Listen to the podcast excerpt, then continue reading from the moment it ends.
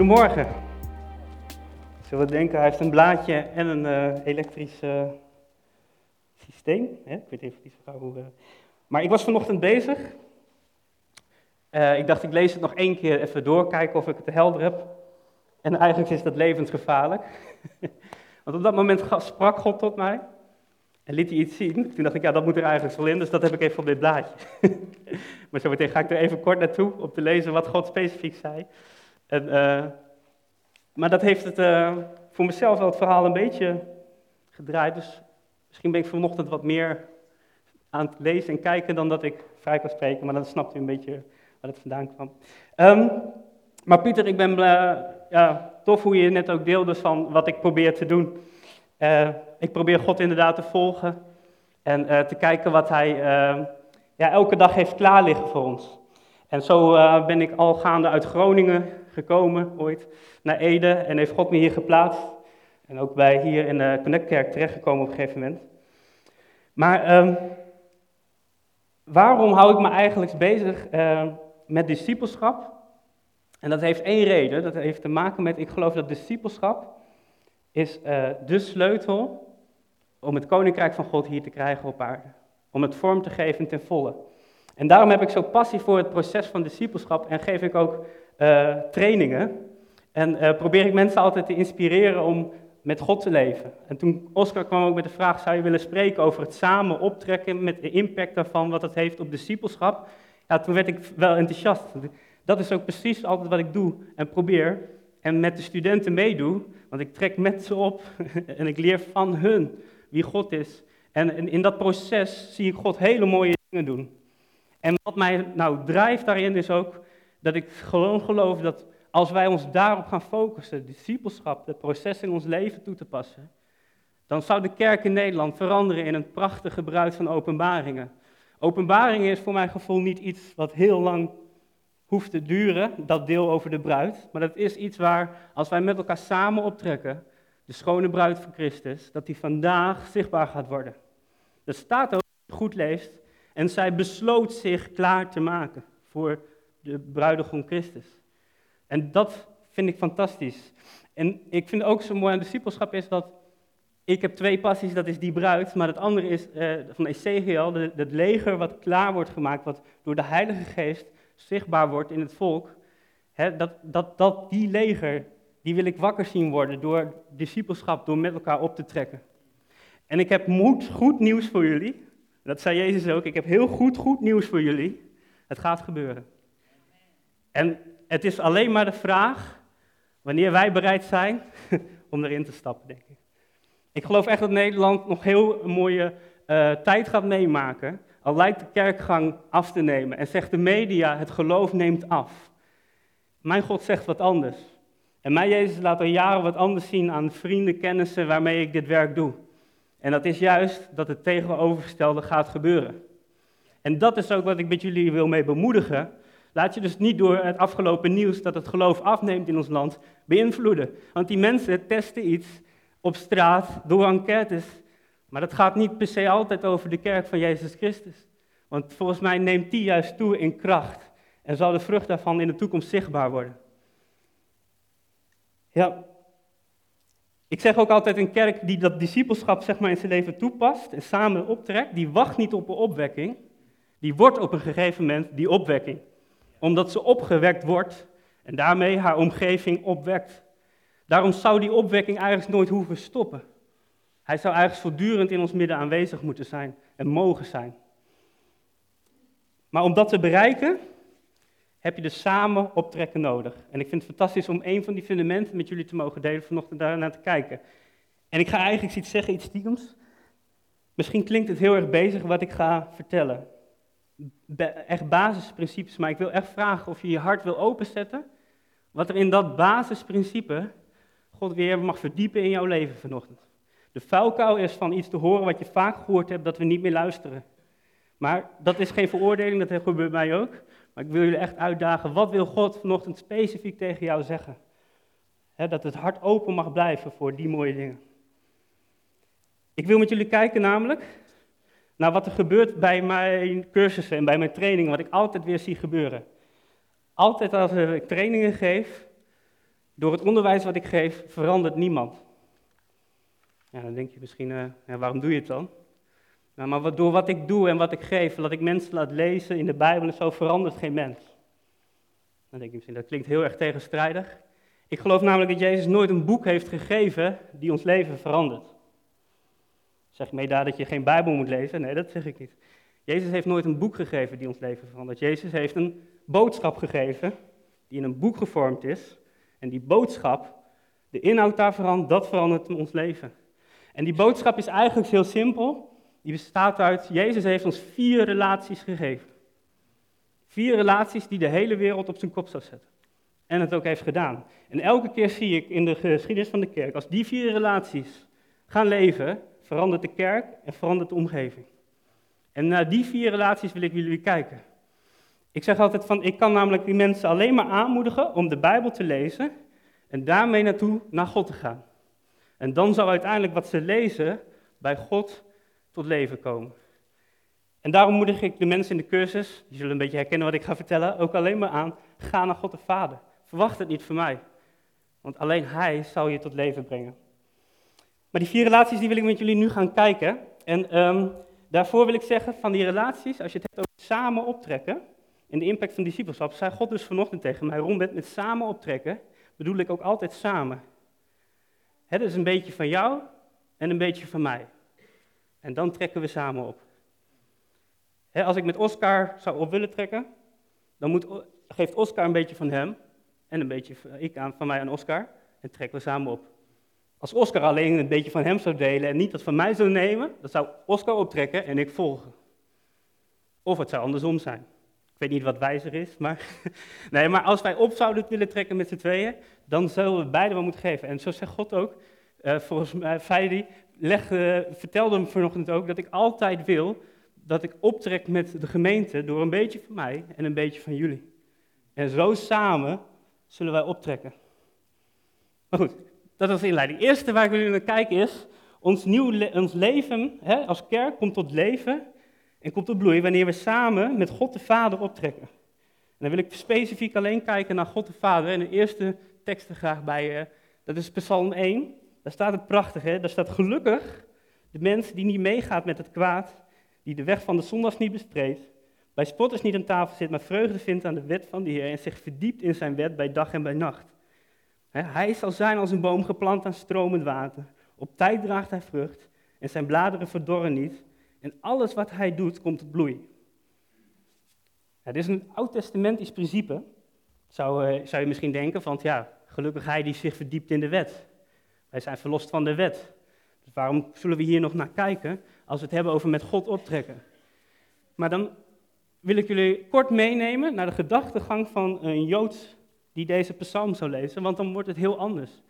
Want wij, als wij het, wet horen, de, het woord wet horen, denken we vaak, oh ja, regels, dan moet ik maar aan regels houden, daar gaat het om. En, en daardoor uh, verandert mijn leven of gebeurt er iets. Maar een Jood zou bij deze psalm heel erg denken dat de wet, dat was, dat was, daar had hij zoveel liefde voor, omdat dat was zijn verbondenheid met God. Onze verbondenheid God is door Christus, maar een Jood zegt van hé, mijn verbondenheid is door God met de wet. Dus eigenlijk kun je hier ook lezen, gelukkig de mensen die meegaan met het kwaad, hè, maar die met zijn verbondenheid met God zich verdiept bij dag en bij nacht. Alles wat hij doet, in die verdieping met God, komt tot bloei. En dat vind ik zo mooi aan deze tekst uiteindelijk. We kunnen wel zeggen, zonder dat de Joden bevrijd werden uit Egypte, waren ze geen zelfstandig volk. Maar zonder de wet waren ze ook niet het beloofde Gods volk. En zonder God erbij hadden ze geen beloofde land. En zonder God in dat beloofde land kwam dat land niet tot bloei. Dus eigenlijk staat hier heel mooi beschreven dat de God, zeg maar, de relatie die wij met God hebben, en als je bij dag en bij nacht bij alles doet wat je bedenkt, en daarmee optrekt met Hem erbij, een beetje van jou en een beetje van God de Vader, daarin alles zal tot bloei komen. En dat vind ik zo, zo diep aan deze psalm, dat je ook verder kijkt. In vertalingen staat dus niet, en zij die uh, staat zondaars, wordt ook wel eens gekozen, de, niet uh, de wetteloze, maar de goddeloze. En dat vind ik nog wel de beste vertaling hier. Het is degene die met God leven of zonder God leven.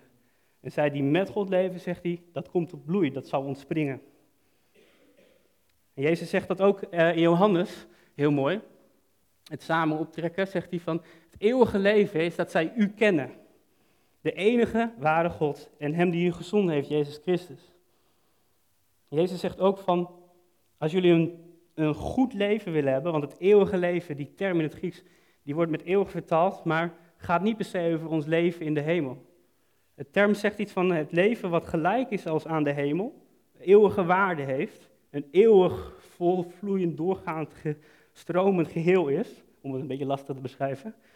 Maar wat vol is van leven, zegt Jezus, dat vind je door God te kennen.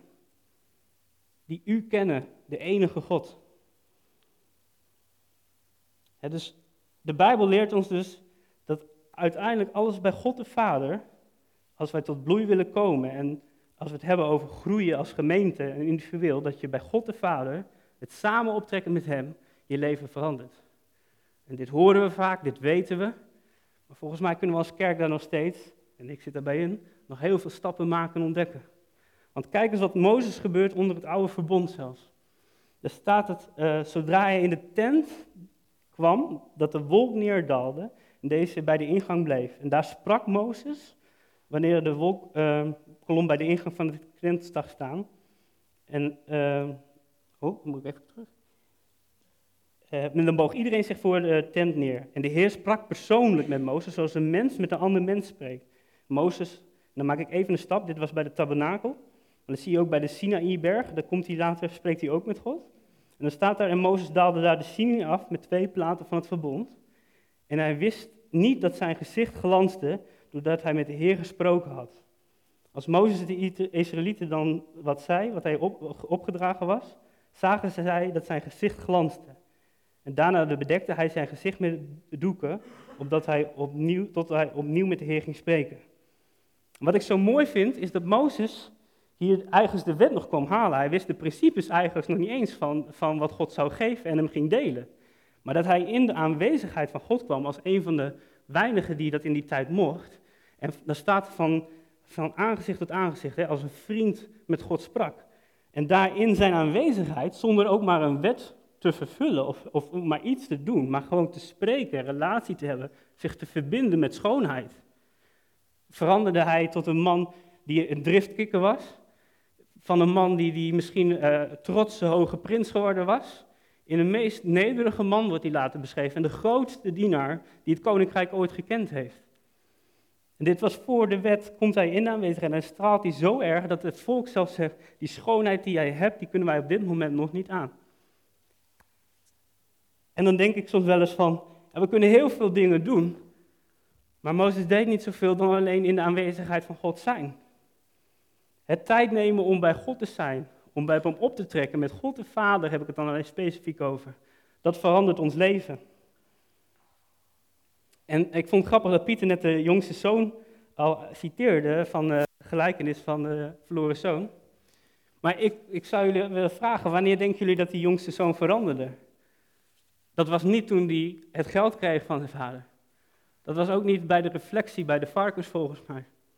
Dat was ook niet zijn nadenkproces van zijn plan wat hij ging doen onderweg.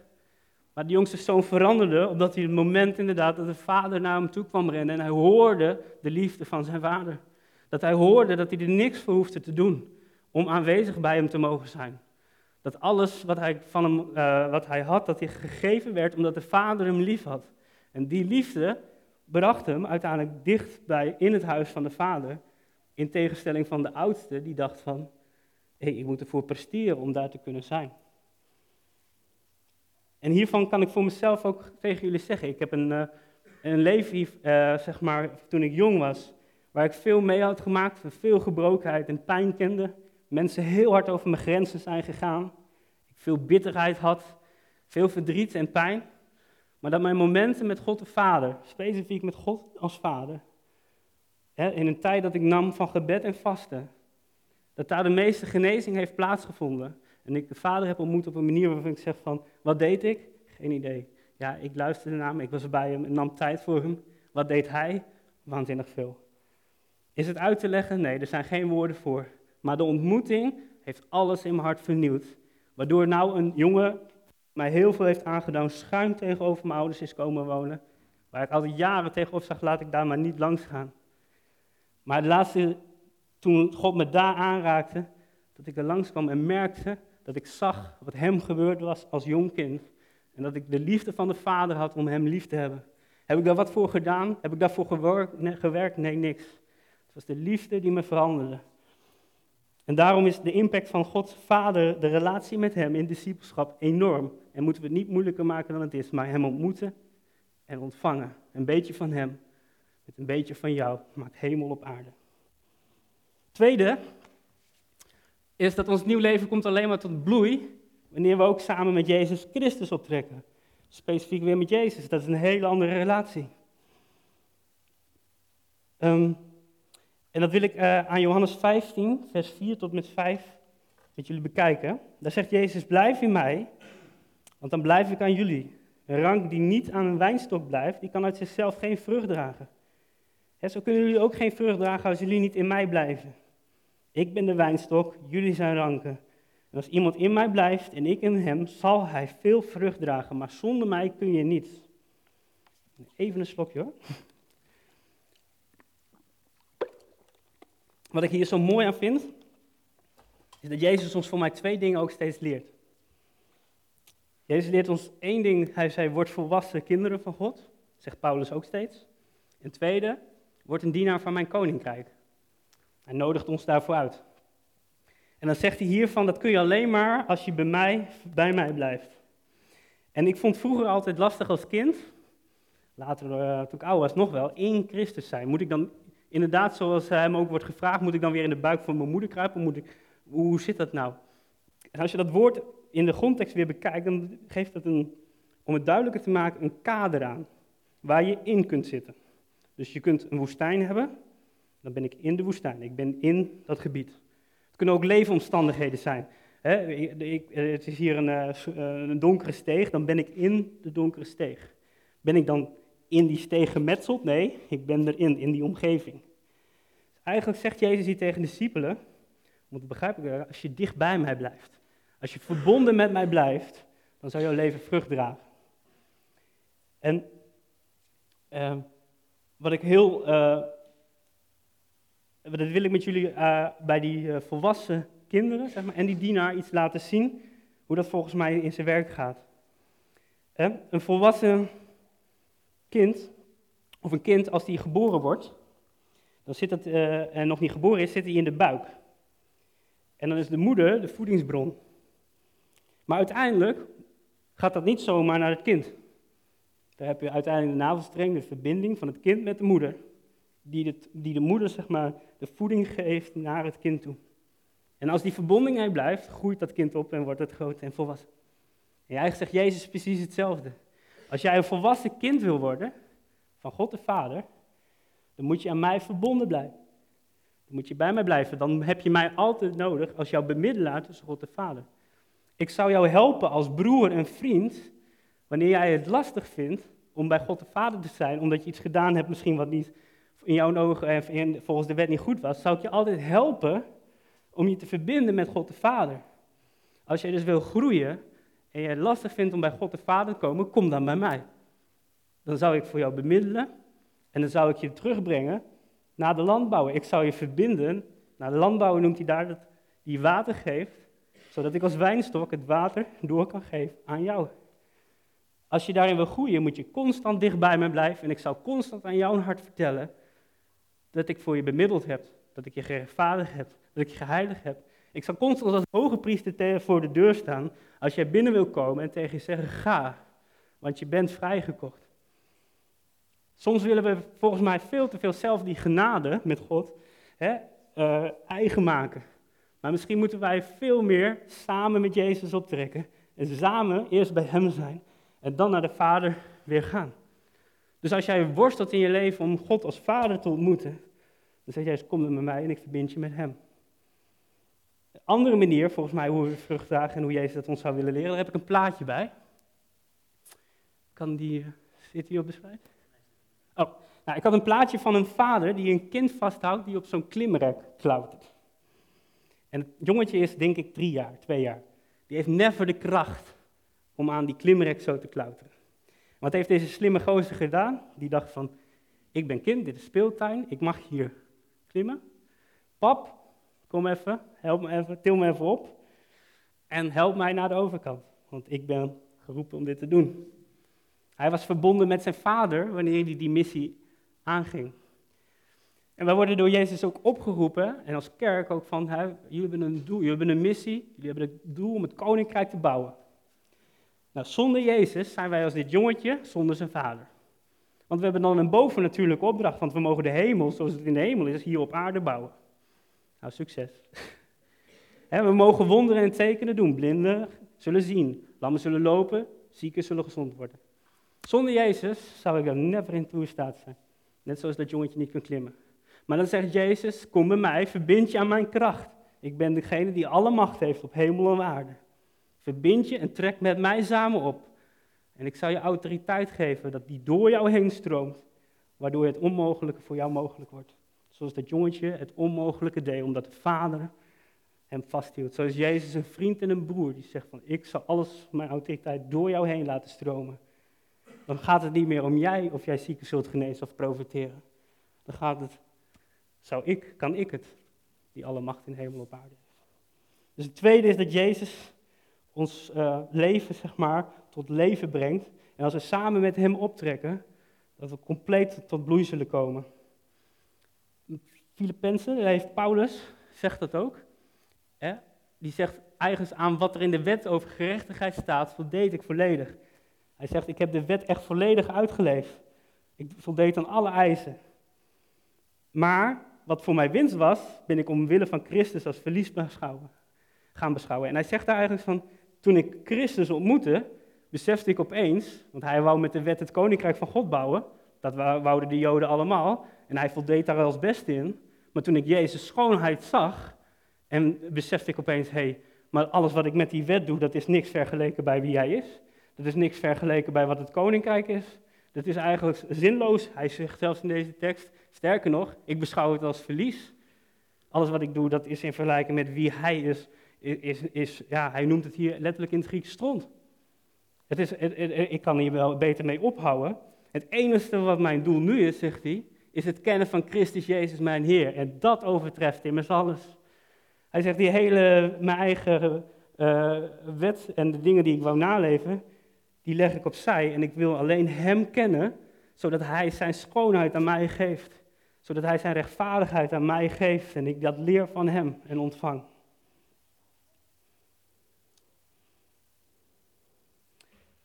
Yes. En zo zie je dus ook weer bij onze relatie met Jezus is. Hè, zoals God de Vader ons dingen wil geven, dat Jezus ook steeds zegt van, ik vraag je onderdeel te zijn van het plan. Ik ben de wijnstok en jullie de ranken. Hè, een beetje van mij en een beetje van jou. Zal uiteindelijk heel veel voor brengen in je omgeving, in jouw leven. Maar het gaat samen optrekken met Hem. De derde relatie, komen we dan op. Dat is dat ons leven komt pas tot bloei wanneer we ook samen optrekken met de Heilige Geest. En dan denk je van, hè, nog één, maar dit is weer een hele andere relatie die je mag hebben. Die drie zijn van elkaar gescheiden, ze zijn één, maar je hebt alle drie, krijg je iets. In je relatie met God de Vader krijg je bescherming, krijg je eh, voorziening. In Jezus heb je als bemiddelaar, als kracht, als degene die achter je staat, aan je zijde staat. En de Heilige Geest is weer een hele andere. Ook daar hebben we een relatie mee nodig en een beetje van Gods Geest. En weer een beetje van wat wij geven, namelijk ons lichaam als tempel, waar Hij in wil wonen. En ons wil vormen en vernieuwen door het proces van discipelschap wakker te maken in ons leven. En dan ga ik even naar Korinthe, waar Paulus het ook uitlegt aan ons. Er staat namelijk, wij allen die met een onbedekt gezicht de heerlijkheid van de Heer als aan een spiegel aanschouwen, die worden nu van gedaante veranderd naar datzelfde beeld, van heerlijkheid tot heerlijkheid, zoals door de geest van de Heer bewerkt wordt. Nou, dit stukje, dit wordt wel eens vaak uitgelegd, want of uitgelegd of vooral gelezen, want je kan heel makkelijk lezen dat wij nu geen bedekking meer op ons hebben. Dus dat het staat van, ja, nu wij de zonde misschien van ons af zijn, hè, wij niet meer bedekt zijn, kunnen we God zien. Maar deze bedekking gaat niet zozeer over jou. Dit slaat terug op Mozes. Mozes die de heerlijkheid uitstraalde, zoals ik in het begin zei, die de bedekking op het gezicht nodig had, omdat het volk er niet tegen kon. Dus wat Paulus hier eigenlijk zegt, vroeger was God bedekt omdat wij zijn heerlijkheid niet konden aanschouwen. Die konden wij niet tegen. Maar nu Jezus eigenlijk ons rechtvaardig heeft gemaakt en geheiligd, hoeft die bedekking er ook niet meer op. Maar kan zijn schoonheid naar ons toestralen. Al is dat dan nog wel door een spiegel. Hè? Het is niet de volle openbaring die we later zullen ontvangen, maar we zien hem wel. We ervaren hem wel in ons leven. En dat is door Jezus al verbracht. En dan gaat de geest, zegt hij, die gaat die heerlijkheid van, van de hemel, van God de Vader, die wil die in jullie leven bewerken. Hij zou dat eh, proces, die heerlijkheid die we soms al zien en voelen en ervaren. ik weet niet of jullie God wel eens heel dichtbij hebben ervaren in een aanbiddingsdienst. Of op een stil moment in je leven in je stoel dat je dacht van, alles wat ik nu aanraak is goud. Maar dat moment, die heerlijkheid, zou de Heilige Geest, als we samen met hem optrekken, in ons bewerken. Zodat als wij in een ruimte komen, dat de mensen denken, het lijkt wel als die persoon in mijn omgeving is, dat alles veranderd in. Dat we de invloed zo ook doorgaan van de hemel geven, doorgeven aan de mensen om ons heen. Maar er staat wel, dat gaat door de Heilige Geest. En in Gelaten legt hij dat later nog echt, vind ik, op een hele mooie manier uit. Dus in Gelaten 6, vers 7 tot 8. staat namelijk, wie op de akker van zijn zonnige natuur zaait, die oost de dood. Wie op de akker van de geest zaait, oost het eeuwige leven. Eeuwige leven ook weer, hè, dat kwaliteitsleven even denk. En dan zegt hij hier eigenlijk, weet je, als jij, eh, als je proces als discipel constant op je eigen leven zaait, op je eigen kracht, op je eigen kunnen, op je eigen doorzettingsvermogen, op je eigen bereidheid, ja, dan saai je op grond wat eigenlijk niet, wat niet gezond is. Dat, daar komt dat zaad niet in op. Dus alsjeblieft, jullie gelaten die de wet weer terugnamen en het op eigen kracht wou doen, hou daar nou mee op. En zeg, wat je moet doen, is dat zaad wat jij hebt, wat God in jou wil uitwerken, dat moet je aan, op de geest geven. En je moet het dan aan hem, op hem zaaien. En als je het dan aan hem geeft, dan zal hij het in jou bewerken. Alles wat ik, wat ik, wat ik doe bij het onderwijs, is, is, ik zeg altijd, ik doe maar wat. Maar dat bedoel ik niet mee dat ik niet maar zomaar wat doe en niet uh, over nadenk. Maar ik weet niet hoe het werkt. Ik weet niet hoe mensen veranderen, maar ik zie mensen veranderen wanneer zij naar de geest gaan en zeggen van, bewerk dat in mij. Ik heb mensen die, die depressief en het leven gewoon niet meer aanzagen, heb ik ontmoetingen met Gods geest gehad waar het leven direct terugkwam, doordat die één moment hun leven gaven aan Hem. En het verbazingwekkende is dat ik altijd denk van ja, wat heb ik vanavond weer gedaan? Mensen gaan dan naar huis met een praktische opdracht. En dan kom ik terug en dan zie ik soms echt mensen terugkomen met gezichten waar ik denk van dit is...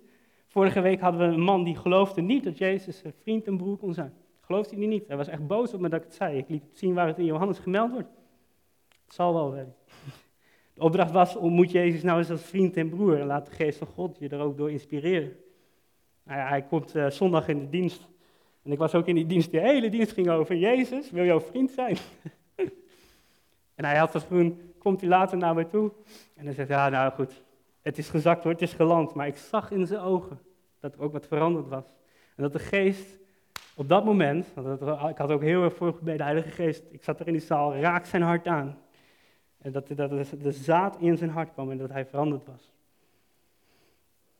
Ik ga deze tekst niet helemaal lezen, maar dat is het verhaal van Petrus. Dat zie je in Handelingen. Petrus is daar het ultieme voorbeeld van.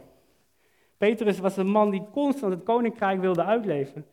Hij had net zo'n mooie hart als jou en net zoals jou zo'n groot verlangen dat het koninkrijk zou komen. Hij had Jezus ontmoet, wist wie God de Vader was. En alles wat hij, hij nou gaat het helemaal gebeuren, we gaan het helemaal opbouwen. Dit wordt de opwekking die we nog nooit mee hebben gemaakt. En elke keer sloeg hij de plank mis. Elke keer was de wijsheid net niet. Elke keer was zijn inzet net naast. En ik denk dat het voor hem best wel lastig moet geweest zijn als Jezus om met dat verlangen en dan toch constant het net niet begrijpen of niet durven, hè, Want op het moment dat Jezus gevangen genomen werd en gevraagd wordt, hoor je bij hem, durfde hij niet te zeggen, ja, ik hoor bij hem. Maar deze man, zien we in handelingen op de Pinksterdag, komt de geest over de gemeente en is de eerste die niet durfde te vertellen dat hij Jezus hoort, die buiten staat. En vertelt wat dit gebeurt. Wat jullie nu zien is een belofte van God. Dit is, dit is Joël die hier vervuld wordt. De geest is over ons gegeven. En dit is degene die jullie net gekruisigd hebben. Hè, is degene die dit vervuld heeft. Hij is de eerste die het woord neemt. Tot de geest een beetje van hem gaf. En Petrus ervoor open stond en wachtte op die belofte. En hij veranderde in een krachtige dienaar. En 3000 man kwam tot geloof. Als zouden het er twee zijn geweest op dat moment, dan was het ook prachtig geweest. Het gaat niet om die 3000, het gaat erom dat Petrus hier veranderde, in het discipelschapproces tot leven kwam, doordat hij verbonden en een relatie leefde met de geest. En samen met hem vanaf dat moment optrok. En dan zie je dat zijn hele leven, hij had een prachtig woord gehad. Petrus, jij bent de rots, op jou bouw ik kerk. Nou, als je dat leven voor de Heilige Geest dan denk je nou, mooie rots, de een na de ander mist.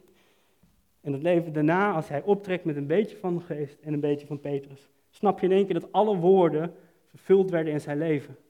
Dat hij bereid was op een gegeven moment dus te sterven voor Christus, wat hij eerst niet durfde. Als jij woorden in je leven hebt gekregen van God, dan zou ik zeggen, nodig een beetje van de geest uit daarbij. En dan zullen ze werkelijkheid worden. Saai niet op eigen grond, ga ze niet op eigen grond uitwerken, want dan, maar discipelschap vindt plaats dus samen met de geest op te trekken. Het vierde laatste punt is, ons leven komt helemaal te bloei wanneer wij dus als broers en zussen, dat is de vierde relatie die God en Jezus herstelden, dat we als broers en zussen met elkaar optrekken. Ik zie in de cursussen die ik geef in trainingen altijd gebeuren dat de mensen die een serieuze relatie met God de Vader, met Jezus, met de Heilige Geest opbouwen, zie ik gebeuren dat zij die ook met elkaar bereid zijn op te trekken, dat uiteindelijk het leven in hun zichtbaar wordt. En dit komt door prediker, waar het heel mooi geschreven staat. Daar staat, je kunt beter met z'n tweeën zijn dan alleen, want samen zwoegen loont. wanneer twee vrienden samen zijn en een van beiden valt, helpt de andere hem overeind. Wie alleen is en ten val komt, is beklagingswaardig, want hij heeft niemand die hem op de been helpt. Wanneer je bij elkaar slaapt, geef je warmte aan elkaar. En hoe krijgt iemand die alleen slaapt het ooit warm? En iemand die alleen is, kan zich niet verdedigen wanneer hij wordt aangevallen. Maar met z'n tweeën hou je stand, want een drievoudig snoerd is moeilijk kapot te trekken. En dit wordt vaak bij een huwelijk gebruikt, maar in wezen gaat het over mensen. In die tijd reis je door een gebied dat leeg was, waar niemand was. Als je dan in een kuil viel of in een berg afdonderde, dan lag je daar en zou je sterven. Als je dan s'avonds moest slapen in Israël, was het steenkoud en bevroor je dood. En als je de derde was dus als je overmeesterd wordt in een stil gebied, ja, dan zou je overvallen worden. Zo werkt het ook bij ons. Wanneer wij in ons eentje proberen discipelschap, hè, de principes van koninkrijk proberen uit te leven, zal ik vallen. Hè, zou ik ontmoedigd raken en struikelen en me niet lukken. Maar dan heb ik iemand nodig naast me. Die zegt, sta op en wandel. Doe het weer. Hè, als, ik, als, ik, als ik dan in mijn eentje probeer te werken, en ik zie nog steeds niet zoveel van Gods koninkrijk, dan kan de passie en warmte in mij verdwijnen. Dan heb ik iemand nodig die aan aanbidding begint te spelen op de achtergrond. Waardoor ik weer connect word met de Heilige Geest en, met, en de warmte weer terugkeert. Iemand die mij inspireert. en als, als ik overvallen word door het kwaad en die mij aanvalt en mij aanklaagt. Ja, dat wordt niks joh. Dat wordt niks. Heb ik iemand nodig die tegen me zegt, oh wacht even, dat gaat niet gebeuren. Het wordt wel wat. Zo heb ik een vriend die ik vanaf het eerste moment ergens heb ontmoet. Bij het schoonmaken van wezen op een christelijke conferentie waren we met z'n tweeën wc's aan het schoonmaken. Maar God gaf ons, en ik heb zoveel aan die jongen naast me, dat hij af en toe zegt, luister bro, ophouden, doorgaan. Maar als hij het niet ziet zitten, dat ik ook zeg, kom op, jij weet wat jou beloofd is. Ga naar de Heilige Geest, ga naar Jezus, ga naar God de Vader. Trek met elkaar op. Yes. Die vier relaties, ik hoop dat jullie dit in de gemeente meer en meer plek zullen gaan geven. En heel simpel heb ik vijf praktische dingen die ik gewoon wil meegeven. Kijk, als jij het idee hebt van, hé, hey, ik leef eigenlijk best wel weinig met God de Vader. Ja, dat kan veel meer. Dat is ook bekeer je ervan, eigenlijk. Zoals die jongste zoon, ga naar God de Vader deze weken. Geef dat top prioriteit. Niet omdat het moet, maar omdat je mag. Je mag bij hem zijn. Jouw leven mag tot bloei komen bij hem. Het tweede, als je. is, uh, laat je leven ook verbinden weer door Jezus met krachtiging door de doop. De doop maakt ons niet perfecte mensen. En perfecte mensen is geen eis om gedoopt te worden. Als je niet gedoopt bent, maar je wil met Jezus leven en van hem leren, dan zegt hij doop en word mijn leerling. Dan gaat het beginnen, want dan heb je het nieuwe leven. Stap er dan in als je daar nog steeds tegenaan hikt. Derde is dat ik zeg van, ja, jaag de vervulling met Gods geest na. Jaag na dat alles wat je doet, je constant zeggen, Heilige Geest, waar bent u nu? Vervul mij, inspireer me nu. Al geef je bloemen water, al ben je aan het dart, het maakt me niet uit, maar nood steeds de Heilige Geest uit. kies ook, dit is het vierde, kies eens gewoon een groep uit waar je echt intensief met elkaar gaat opjagen. Je zegt, wij gaan niet met elkaar los. De verbinding zal niet verbroken worden tot wij ons doel bereikt hebben in ons leven met Christus. En het mooie is, daar moest ik aan denken, misschien is het ook tof, zoals ik zei, hè, een periode van vasten met God de Vader.